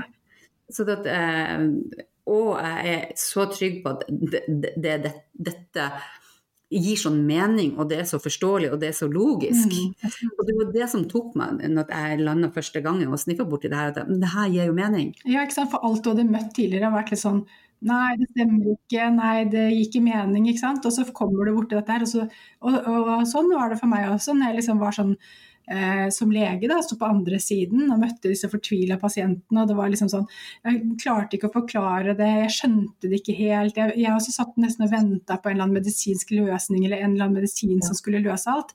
Og så når jeg liksom først kom borti dette her, så er det sånn Ja, selvfølgelig. Ja, og der, eh, der kom jeg, og der er jeg i dag. Og, så i dag syns jeg eh, Nå jakter jeg for det spennende og interessant, og fordi at eh, det, jo mer jeg lærer om det, jo enda mer mening gir det. Ja, det er sant. Eh, og, og det er en av de tingene som jeg også, når jeg snak, jobber sammen med mine kunder, og, Mm. og, som er viktig for meg, det er at, eh, at det jeg sier og det jeg forklarer, skal være forståelig og gi mening. Så jeg bruker alltid å sjekke om syns du dette gir mening. Mm. Hvis ikke så må, vi prøve, må jeg kanskje prøve å klare på en annen måte så at det gir mening, så at du forstår det. For det du forstår, det som gir mening, det, det, er, det er trygt. Mm. Uh, og, og trygghet er jo en kjempestor uh, uh, demp, smertedemper. Absolutt, det, det roer jo hele nervesystemet. Ja. Det sender jo alle disse trygge signalene inn til hjernen som sier at du kan skru ned smertesignalet, dette går bra. Ja. Mm. Så det er, så, så det vi, eh, og jeg syns det er så spennende hvordan vi fungerer. Så jeg har jo tatt både psykologi, anatomi, fysiologi eh, i tillegg på, på høyskole, og eh, trening. Eh, studert eh, mentaltrening og styrketrening på, begge på universitetet og for å få kunnskap.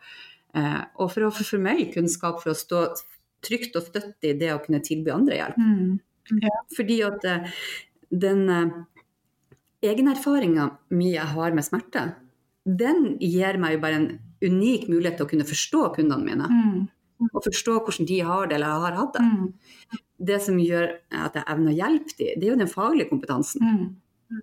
Så det at man har hatt smerter sjøl og kjenner at man har funnet noen ting som gjør at det nå er jeg bedre, uten å vite hvorfor, det gir ikke grunn til å begynne å si at gjør som jeg, gjør som jeg gjør.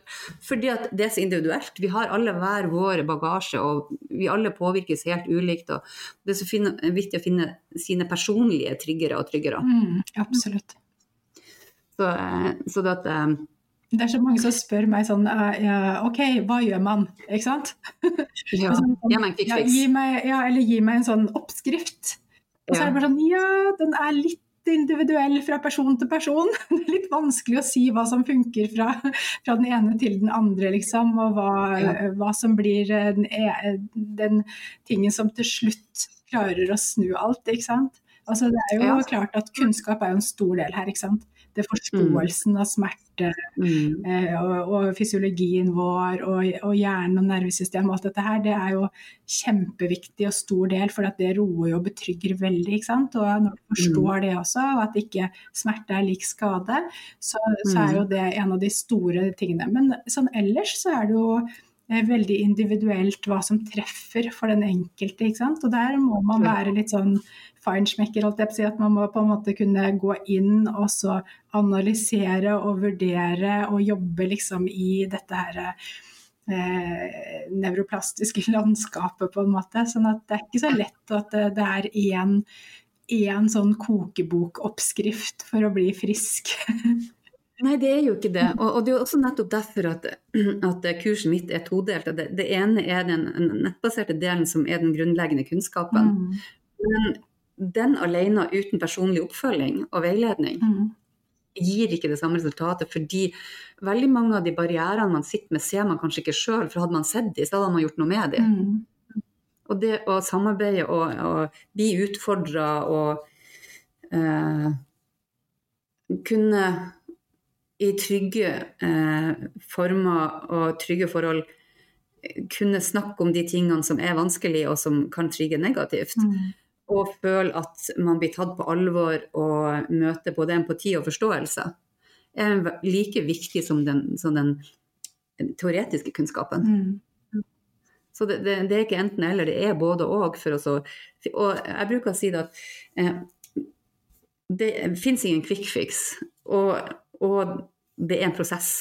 Og prosessen er svaret. Mm. Ja, ikke sant. Ja, ja nettopp fordi at eh, det er liksom eh, hvordan prosessen blir, så må man justere hele tiden, ikke sant. Hele tiden, ja. Ut fra hvordan det går, og så er det sånn for Jeg ser for meg at man går og balanserer på en sånn line, og så faller man liksom av, og så må du liksom opp på linjen og så faller du av igjen, og så må du opp på linjen. Og så blir den på en måte breiere og breiere og breiere, denne her eh, linen, da, sånn at til slutt så Mm. går du på en veldig sånn trygg, stor bro fra en sånn Ja. bitte liten, tynn eh, ja. Ja, faktisk, jeg har helt eh, nesten samme metafor, bare jeg hadde vei. Og så kunne det dette utover grøfta på begge sider. Ja, jo, jo, jo mer du ble, jo mer du kunne, jo mer holdt deg på midtstripa. ja, ikke sant. Ja, Hvor du hadde eh, gode grenser og ingen fare for å dette ut på sidene. ja. Men ja, akkurat samme metaforer metafor da, bare. Og det er også derfor eh, at eh, sånn jeg bygde opp kurset med bare én leksjon i uka over lang tid. Mm. Eh, de kunne ha fått tilgang på alt, men da vil de aller fleste antagelig eh, begynt med slutten. Fordi at de ønska svar, svarene i går, de ønska løsninger og resultatet i går. Mm. Så jeg jobber mye med at eh, vi må ha øya på prosessen, ikke på resultatet. Hvor lang tid går kurset ditt over? Eh, Seks måneder. Eh, oppfølging i seks måneder, og så har de tilgang til kursmateriale i tolv. Mm, mm, Sånn at de skal føle seg trygge på at det er der, og det, og det, det, det er tilgjengelig. mm. Og nettopp fordi det er så mange aha-opplevelser underveis. Fordi man, jeg, Ofte så oppdager man heller ikke triggerne sine før man snubler over dem. Nei, det er sant. Det er sant, det har jeg opplevd veldig ofte. At det plutselig Ja. sånn, eh, og, og når vi snakker om det og utforsker ting, og hvorfor liksom, hva, hva skjedde nå, hvorfor ble det verre, ikke sant. Når Ja. utforsker dette her, så er det sånn, eh, da kommer det plutselig opp ting og triggere som man aldri har vært klar over. Så det syns jeg er veldig, veldig spennende. Og akkurat det du sier der, er også viktigheten av personlig oppfølging. Mm. Så man får den biten. Mm. Så man, ok, nå gikk ting ikke helt på skinner, hva kan det være for noen ting? Og da få feedback og, og tilbakemelding på eh, at man da lettere oppdager disse tingene. Ja, jeg har jo en løsning hvor det både er eh, nettkurs og nettkurs pluss individuell oppfølging, sånn som du har. da. Eh, og det er sånn, det nettkurset, der tenker jeg ok, der er de med de som på en måte står i jobb eller er på en god vei, hvor de på en måte er på bedringens Mm. vei, og liksom de bare trenger den Mm. siste boosten. Eller de på en Mm. måte sånn som jeg hadde da, f.eks. en løpeskade som aldri ga seg. ikke sant? Altså De som har liksom enklere ting, eller de som kan veldig mye om nevroplastisitet, og liksom, ja, de kan ta nettkurset. Mens de som Mm. er kronisk syke, Ja. Um, eller har falt ut av livet på en eller annen måte, falt ut av jobb, eh, eller det på en måte går utover eh, hverdagen deres på en veldig omfattende måte. På et eller annet, eh, At ikke de kan være sosiale, at ikke de orker være med barna sine og på ting og sånn.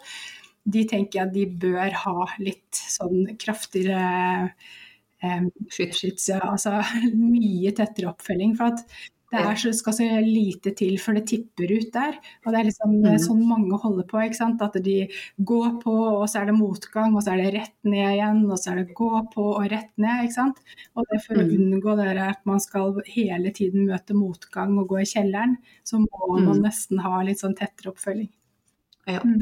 Og det er jo den eh, målgruppa, det, er der kundene mine stort sett ligger. Mm. I den kroniske, hvor ting har eh, blitt veldig komplisert. Mm. Ja. Eh, Det er, og jeg har jo begrensa I og med at jeg har fibromyalgi, så har jeg jo begrensa kapasitet. Så, så da er også fokusen min eh, Så det går ikke an å bare kjøpe kurset mitt. Eh, de må, ja, vi alltid har en samtale hvor vi ser er dette, passer dette kurset for, meg, for deg. Eh, Er du der du trenger å være for å kunne ha fullt utbytte av det? Og kan jeg hjelpe deg? Mm. Så det, en avklaringssamtale er alltid først for å se, eh, sånn at de vet hva, helt hva det er for noe, og at eh, det her får vi til. Mm. Det tenker jeg er veldig, Eh. veldig viktig, for man må vite at det er rett motivasjon og rett tid. At hvis du Ja. står i eh, noe veldig turbulente greier, så er det ikke rett tid å begynne å jobbe nevroplastisk og, ta ting. Ikke sant? At man må på en måte være på et litt rolig sted i livet, hvor ting er litt stabilt rundt en. Eh, Ja. For å kunne ha roen til å jobbe sånn som dette er. sant? Mm. Og mange av de jeg jobber med, og også, eh, som har mista livskvaliteten sin, og som ønsker til, å få tilbake Som har mista både livskvaliteten og aktiviteten i hverdagen. Mm. Så, eh, så det er den tilnærminga jeg har da. Så vi i tillegg så eh, jeg har også fokus på fysisk aktivitet og, og hvordan tilnærming eh, til det for å fungere, for å kunne få tilbake et aktivt liv. Mm. For det er liksom med nevroplastiske eh, problemstillinger, så er det eh, Da nytter det ikke å trene med fokus på kondisjon og styrke, er min erfaring. Da må du først trene nervesystemet til å tolerere aktiviteten, Mm. og så kan du begynne å legge på belastning. Mm. Og det er så fint og- at man har liksom forskjellig ståsted. Sant? Du har PT og mental trening og, og pluss denne smertekunnskapen og sånne ting, og så kan du lage ditt kursopplegg ut fra det. Eh, og, mens jeg har ikke den PT-bakgrunnen eller den tre, altså treningsbakgrunnen, så, så jeg har jo, jeg har jo eh, gradert bevegelseseksponering har jo jeg som en del av kurset, men det, det ikke, går ikke så mye med trening og disse tingene som sikkert du har. Det er sånn, eh, Ja. spennende at vi har litt sånne individuelle forskjeller, men liksom hovedlinjen er jo det samme. Absolutt. Mm, og bakgrunnskunnskapen som ligger bak, er den samme. Ja. Mm. Så det, og jeg syns jo det er så artig og spennende. Og det er jo det som booster meg til, til, til å gi meg motivasjon til å gjøre det jeg holder på med i dag, og even etter å fortsette å faglig oppdatere meg og holde meg oppdatert. Det er jo eh, når du i møte med, med andre får være med på å se at eh, det er så sterkt når, når du opplever at de får tilbake livskvaliteten sin, at de, de kjenner at eh, Oi, eh, trodde aldri at jeg skulle kunne gjøre dette igjen. Ja, er det ikke gøy? Altså, det gir et sånt kick ut av ville Altså, det er helt unikt. Altså, Så det, like glad hver gang, jeg. altså det, er, så det er jo så, så givende. Mm. Eh, Og, eh, og det er jo så mange gåsehudopplevelser og øyeblikk man får. Ja, det er helt utrolig. Sånn, altså den gleden som eh, folk Mm. får når de plutselig kan gjøre ting som de kanskje ikke har gjort på to, fem, ti eller 20 år. Altså det er bare helt sånn fantastisk. Ja, det, er det. Jeg hadde, hadde en kunde, og hun var så utrolig søt. Så hun prata, vi, øh, øh, og vi jobba underveis. Og nesten hver, sam, hver time vi hadde, så begynte hun å gråte. Og så øh, så, Går det bra? Ja! Jeg, er gledestårer. Jeg er bare så lykkelig over å ha truffet deg. Du har gjort altså, Du har forandra hele livet mitt. Jeg er bare så jeg er bare så takknemlig. Tusen, tusen takk for at du finnes. Ja.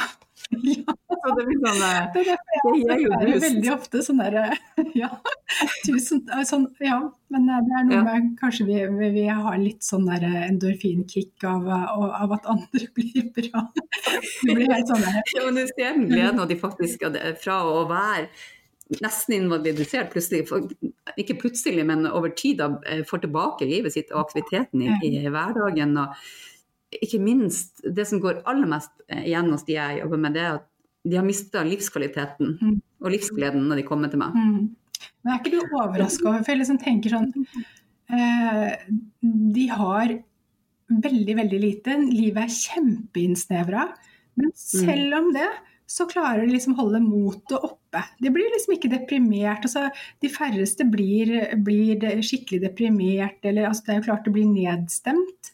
Men de blir som regel ikke tungt deprimert. De klarer liksom å finne noe glede i det bitte lille begrensa livet de har. Så veldig, liksom, jeg, jeg tenker jo det at hadde jeg mista alt i livet og blitt liggende i en seng, så hadde jeg blitt kjempedeprimert, har jeg liksom tenkt. Men, men Ja, eh, de jeg møter er nok mer der at de eh, både er lei seg og deprimert. Og jeg har flere som har eh, spist antidepressiva når de har, eh, når de har begynt hos meg, og som etter hvert har slutta med det. Men jeg er veldig nøye med at den prosessen må du ta sammen med legen din. Du må ikke finne på noe på egen hånd. Sånn av, avklare sånne ting. Eh, men, men som kjenner at de ikke har hatt behov for det. mm, Og, da, eh, og det er jeg veldig nøye med. Altså, jeg har så respekt for skolemedisin. Jeg blander meg ikke inn i Alltid pass på at eh, når de kommer til meg, at de er ferdig utreda, Mm. og at de, eh, vi vet at, at det ikke er noen ting, andre ting, at dette er nevroplastisk. mm, Så, for jeg er ingen behandler eh, i så måte. Jeg er ikke noe lege, sånn som du er. mm, er legene skal gjøre sin jobb. mm, Jeg kan være med og lette legene sin jobb når de har funnet ut ok, dette er nevroplastiske eh, problemer. mm. Løsninga for deg kan være å søke hjelp hos disse. Derfor er det så viktig at uh, leger får et språk for dette her. Får ord som nevroplastisitet, ikke sant. Mm. Eh, men eh, sånn som eh, det er i dag, så er det så mange ulike ord for disse tilstandene at, Ja. eh, at det er på en måte vanskelig, og man blir ikke helt enig om en felles betegnelse. ikke sant? Litteratur, forskning bruker forskjellige ord. Ja. Og leger bruker forskjellige ord. Mange bruker jo psykosomatisk eller funksjonelt eller sånne ting. sant? Mens jeg bruker jo nevroplastisk, og du bruker nevroplastisk. sant? For det er mye av den internasjonale litteraturen, de bruker nevroplastisitet. Ja. Um, sånn at eh, jeg tenker at eh, den tyngste og mest anerkjente forskningen på dette området, de bruker nevroplastisitet. og Det er derfor jeg har valgt det ordet. da. Men, eh, men eh, det, det er jo mange forskjellige, eh, forskjellige benevnelser der ute også på disse smertene. sant? Ja, og også et, et ord som eh, nå eh, brukes mye sammen med nevroplastisitet, nevroplastisitet er også eh, bioplastisitet. Mm, mm. For å inkludere hele mennesket, ikke bare nervesystemet. Ja, ja. Mm. I og med at de ser at eh, det som påvirker eh, det er så mye. Det er alt. Det er alt som foregår rundt deg, alt som foregår i deg, alt som har skjedd med deg, og alt du er redd for skal skje. Mm. Og så er det å finne de forskjellige knabbene. Og, og det varierer i perioder. Mm. Så det å være, lære litt om hvordan ting fungerer, tenker, jeg- tenker jeg er veldig viktig for å kunne være selvhjulpen over tid. Mm. Absolutt. Så og kjenne den tryggheten på at uh, dette, er- smerte er ikke farlig. Ja. Eh, Det tenker jeg er det aller viktigste.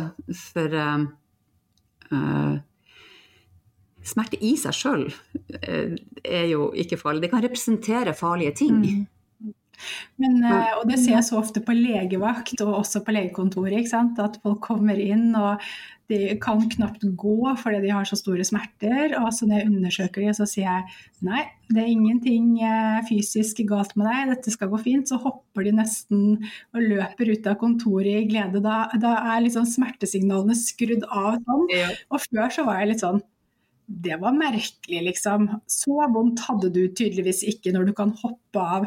Mens nå når jeg forstår smertefysiologien og hvordan hjernen fungerer, at når frykt er involvert, så skrus smerte opp til altså ti. Ja, ja, ja, Mens med en gang du kan berolige pasienten og sånne ting, så kan hjernen bare skru rett av smerten, og så kan du bare gå lykkelig ut uten smerte. Jeg ha et så godt eksempel på det der.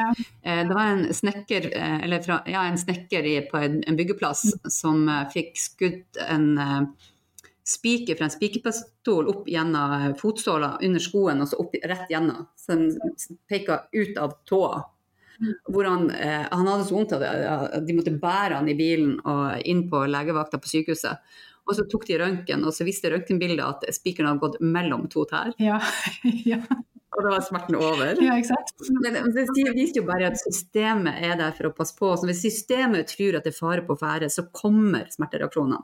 Men hvis systemet får en bekreftelse på at nei, det er faktisk ikke fare, alt er trygt, så, og, og, Av og til så er vi i situasjoner hvor det er lett å trygge systemet, og av og til har vi situasjoner hvor, hvor det tar lengre tid. Hvor man må jobbe over tid for å trygge systemet. Og det, I og med at eh, både hjerne- og nervesystemet lærer jo av erfaring og ikke teori. Mm. Det hadde vært enkelt hvis systemet hadde lært av teorien. Mm. Men bevisstheten vår tar teorien.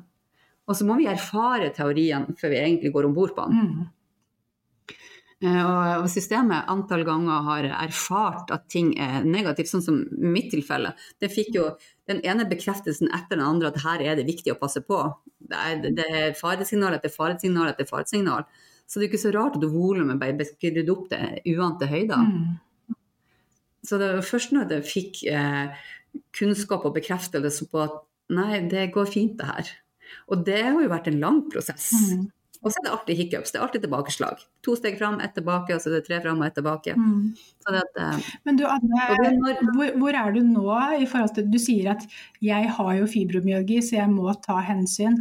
Men, men eh, ser du på deg selv uh, som kronisk syk fortsatt, på en måte? Eller, eller hvor smertefri er du i dag?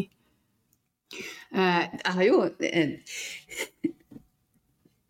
Smertefri er et ulogisk begrep. Ja. I og med at uh, smerte trenger vi for å overleve. Ja. Så, det, uh, så, det, er ikke noe jag eller en, det, det, er en umulig oppgave å skal jage etter å, bli smertefri. Så hvis du trør på en, en stein i skoen, så får du jo vondt. Ja, jeg tenkte ikke sånn smertefri, for det kan ingen av oss bli. Men av den kroniske nevroplastiske smerten, tenker jeg da. Er det sånn at du kjenner det hver eneste dag hele tiden? Nei.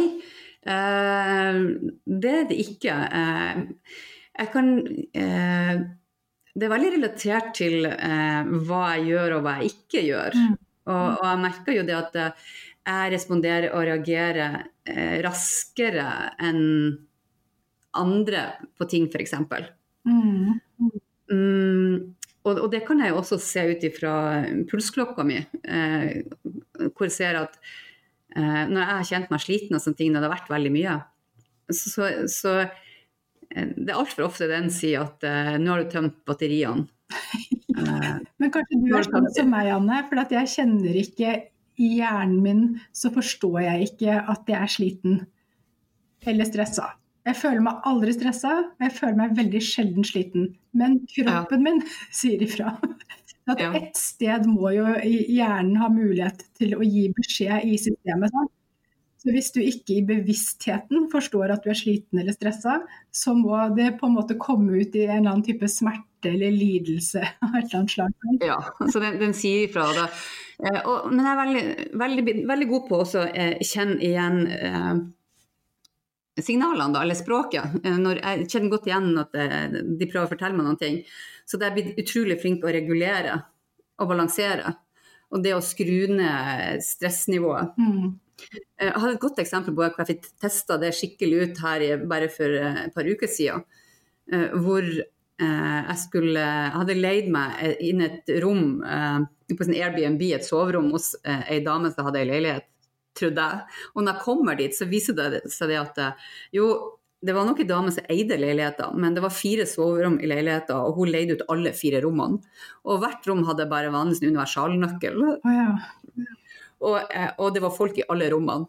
Så, og da kjente jeg jeg skulle legge meg og sove, så kjente jeg jeg lå jo to centimeter over madrassen mens jeg- hjertet gikk. Og kjente ok, her, var, her var, blir ikke jeg få sove i det hele tatt i natt. Men så vet jeg at jeg trenger ikke å sove for å hvile systemet. For å hvile hodet og hvile kroppen, så trenger jeg bare å slå de av. Mm. Eh, Så jeg jobba hele natta med pusten og eh, eh, holde hodet i ro, holde, holde det tanketomt og holde pulsen nede. Og, når, eh, og jeg var jo tidlig oppe dagen etterpå, så det, halv sju var jeg oppe, og, og kvart over sju var jeg ute derifra. ja. Og da, og da tenkte jeg her er litt interessant, må jeg faktisk sjekke på pulsklokka mi. Hva sier pulsklokka mi om natta mi? Og da hadde faktisk pulsklokka registrert at jeg hadde sju timers søvn. ja. Ikke sant? Så det, det å klare å balansere og redusere stressnivået i kroppen er utrolig viktig. Mm. Uh, og, og når jeg får smertesignaler i kroppen, så, så stopper jeg alltid opp og så evaluerer jeg. Ok, hva tror jeg det er årsaken? Eh, noen ganger så har jeg vært for ivrig til å sitte og jobbe for lenge. Mm. Eh, og når jeg sitter for lenge og for lite aktivitet og mobilitet, så stivner kroppen. Og da, da sier kroppen ifra at nå trenger du å røre deg for å holde deg frisk. Mm. Så da er det jo aktivitet som er svaret for at jeg skal kunne slå av smerten.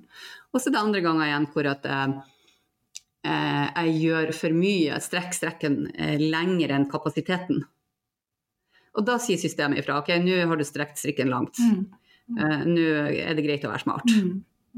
Eh, og, og da gjør jeg valg i forhold til de signalene. Men dette er jo sunne mekanismer, og det er jo det som alle med nevroplastisitet lærer seg. Ikke sant? Spiller på lag med eh, systemet sitt. Eh, Mm. sånn at, eh, men så du kan si det at du har god eh, du har god livskvalitet i dag, du lever ikke med kroniske smerter hele tiden hver eneste dag. Du uh, jobber med kroppen din. Jeg, jeg tror ikke jeg vil si at jeg har altså, sånn- jeg, jeg, sier jeg kan si at jeg har fibro, fordi at eh, folk kan kjenne seg igjen Mm. av det. Men, men det jeg egentlig har Jeg har jo eh, jeg har en kropp som er helt normal, Mm. og jeg har et system som fungerer helt normalt. Mm. Eh, som kanskje er litt mer sensitivt enn andre. Mm. Så det er kanskje det eneste. Men jeg er jo ikke syk. Nei, ikke sant. Og da tenker jeg det er, det, det, kanskje det jeg ville frem til, at på en måte eh, Folk tror jo at man ikke kan bli frisk av fibromyalgi. Og det betyr jo ikke Mm. at man, hvis man eh, en vakker dag ikke, har, altså ikke sier at man har fibromyalgi lenger, at man bare kan kjøre på, dure på, ikke ta hensyn til kroppen eller noe som helst. Det betyr at man lærer seg å spille på lag med kroppen, sånn at Ja. man slipper å få nedsatt livskvalitet, kroniske smerter og, og bli begrensa i hverdagen sin. At, Det er akkurat det det handler om. ikke sant? Det er akkurat det det handler om. Sånn at Kom det i forkjøpet. Ja, kom det. Det, det å kunne systemet så godt at du vet hvor systemet er for, for deg sjøl oppdaga at det skal dit. Ja. Så, eh, så ja. Eh, og så vet jeg at jeg kan gjøre akkurat det er ingen, Jeg kan gjøre akkurat Jeg er helt normal. Jeg kan gjøre akkurat sånn som alle andre. Men jeg kan jo ikke gjøre ting uten å tenke meg om. Jeg kan ikke eh, eh, ubegrensa bare dure på uten omtanke for egen helse, men det er det jo ingen som kan. For de som gjør det, de kommer jo til slutt De treffer jo en vegg til Ja, slutt. nettopp. Og det er jo mange som gjør det, enormt mange som gjør det i dag. Sant? Det går en stund, Ja. men så, så går det ikke i lengden. Ja, For det går ikke an å bare trykke på gassen. Så, så hvis, hvis det man tenker eh, det å være frisk å kunne ha full gass hele tida, så er jo det helt feil. For plutselig så, så, så går det gærent. Man må kunne try balansere på når skal jeg trykke på gassen, når skal jeg trykke på bremsen. Mm, mm. Så der blir veldig god på å, å balansere gassen og bremsen. Eh, og det er jeg også prøver å lære bort. Det å bli god på å trykke på sin egen gass og sin egen brems og vite når er det, eh, når er det lurt å Kommer du til en 90 graders sving, så er det veldig lurt å trykke på bremsen før du svinger. Ja. Og hvis du har et økt aktivert nervesystem, så er det på en måte viktig å være bevisst på å trykke på den bremsen, for det, det, går ikke alltid eh, automatisk. Sånn som hvis du er godt balansert, så vil hjerne- og nervesystemet ditt skru på og av på normal måte. Sant? At du vil balansere mm. mellom sympatisk og parasympatisk aktivering og på en måte nervesystemet vil lande av og til. Men hvis du har den økte aktiveringen i nervesystemet, da står det på en måte på. Da må du liksom gå inn omtrent og trykke på av-knappen for å liksom senke. Ja. I starten i hvert fall så må du være veldig bevisst på det. ikke sant? Men etter hvert så det, går det mer og mer av seg selv. ikke sant? Men det er fordi at nervesystemer lærer seg at ja, du, ok, vi kan hvile, ja, det er ikke livsfare her hele tiden, liksom. Det går fint. Mm. Ja, og, det, og det, vaner og uvaner. Vaner kommer jo også inn. Har du lært deg gode vaner som, eh, som tar deg dit du vil og, og, og er snill med, med, kroppen og tar hensyn til kroppen, mm. så, så, vil det, som du sier, da går det jo på automatikk. Da, da, opplever du ikke at det er så vanskelig. Men når de vanene du har tar deg feil vei, så vil man veldig ofte oppleve at man må være så flink hele tida. Mm. Fordi at man, å gjøre det man har lyst til å gjøre, eller vant til å gjøre, eller bruker å gjøre, det tar deg feil vei. Da må du hele tiden bare vise på ikke gjøre det, ikke gjøre det, ikke gjøre det. Eh, og det i starten er det veldig mange som blir slitne av. At, eh, fordi ubevisst har lagt seg til vaner som trigger smertene istedenfor å trygge mm. dem.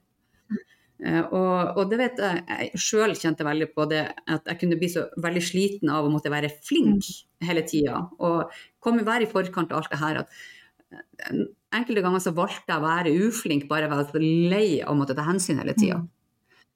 Men når du har gjort det lenge nok, så går også det over til å bli vaner. Og da tenker du ikke over det lenger, og da er det ikke lenger slitsomt å være flink, for du er flink på autopilot. Mm, ja.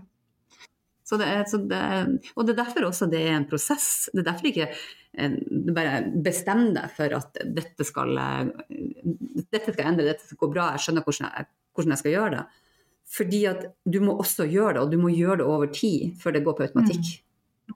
Og jo lengre tid du har gjort det, jo sjeldnere kommer de tilbakeslagene fordi at det, du har innarbeida gode vaner som eh, tar hensyn. Mm. Ja, enig. Ok, eh, Anne. Jeg tror nå har vi sittet i en og en halv time, så nå tror jeg vi må kutte av. veldig interessant, da. Det var veldig morsomt. Vi kan jo prate i timevis. Det er ikke sikkert det er like spennende for alle andre som ikke er helt hekta på nevroplastisitet. Veldig mulig du har rett i det. Så, og derfor blir, jeg, jo så ekstra glad når jeg treffer noen som er på bølgelengde. og som, ja, ja, ja jeg, altså, jeg tror du følger med på alt og alle foredrag, så altså, du får si ifra til meg hvis det er noe spennende som skjer rundt omkring. så jeg ja, du får bli med til Amsterdam. litt uh, for tidlig og litt for mange forpliktelser nå, men kanskje neste gang. Så heldigvis er vi jo ferdig med, med pandemien, så nå blir det jo flere og flere live-seminarer eh, man kan være ja, med på. Ja, det blir veldig kjekt. Mm. Så eh, det kommer et interessant til neste år, vet jeg. Mm, ja. det, I år er det bare i uh, Shanghai og USA, tror jeg det var. Oh, ja. de var så jeg tok kontakt med dem og lurte på om det, det, seminaret kom til Europa. Og det tenkte de skulle komme til neste år. Okay. Så send deg info om det. Det må du gjøre, vet du. Holde meg oppdatert, og mm. kanskje vi tar turen sammen. ja, ja. Det er, og, og, det er også i denne eh, Mosley-grupperinga. Ja, spennende. Mm. Eh, så dette Ja, det, det, det, det trigger meg veldig. jeg skal, jeg skal sende info. Ja, gjør det. Gjør det. Men du Anne, til slutt. Hvor kan lytterne finne deg? Friskerehverdag.com. Mm. Og eh, det er nettsida mi og hjemmesida mi. Og så har jeg jo også Instagram-side som heter Friskere hverdag. Mm. Og der er bare å sende en melding hvis de er interessert i å være med på kurs. Ja, og så har jeg også Facebook-side som heter Friskere hverdag. Så eh, de kan sende melding på Instagram, kan sende melding på Facebook, eller de kan gå på friskerehverdag.com. Der kan de både sende melding og ta kontakt, og der kan de òg eh, booke en infosamtale for hvis de tror at eh, jeg kan være med og hjelpe til. Mm. Og det er helt gratis å, å booke den samtalen, da. For, for, meg er det utrolig viktig. Eh, og at de kan få høre hva er det for noen ting. Og være sikker på hva det er for noen ting før de gjør en vurdering, og at jeg tror at jeg kan hjelpe dem. Mm, ikke minst. Mm. Så det, det, er vel de tre områdene. De, og så finnes jeg vel sikkert på eh, 1881. med telefonnummer, men det vet er nok Ok, ja, men det er flott. Da vet de hvor de skal finne deg. Tusen takk for en kjempefin eh, og uh, givende og ja, morsom samtale. Takk, det samme. Mm. Ja, da var vi ferdig med ukens episode av Dr. Fives podkast, og jeg håper du syns at episoden var fin og lærerik. Det er kjekt å snakke med andre som liker å jobbe med nevroplastisitet, og se at det er mange ulike måter å jobbe nevroplastisk på, og mange ulike yrkesgrupper kan jobbe nevroplastisk med rette opplæringen og den rette forståelsen av nevrofysiologien. Jeg håper du koste deg med ukens episode. Håper du vil like, dele og rate den fem stjerner. Nå er det to uker til neste episode av Dr. Fives podkast, og da skal jeg snakke om nevroplastisitet og allergi. Håper du lytter da også, og frem til da så får du ha en nydelig dag og en nydelig uke. Ha det bra så lenge!